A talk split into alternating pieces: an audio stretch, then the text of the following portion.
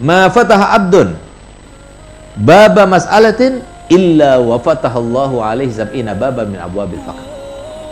Tidak ada seorang pun yang membuka kesempatan minta-minta begini kecuali pasti Allah akan membukakan kesempatan untuk menjadi orang fakir sebanyak 70 pintu.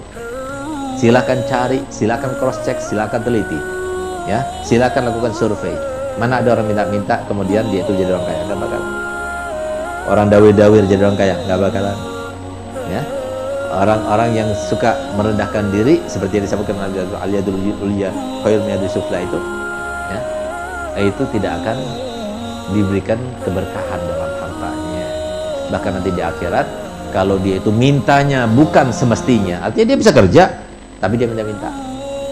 Dia bisa berusaha tapi dia minta-minta.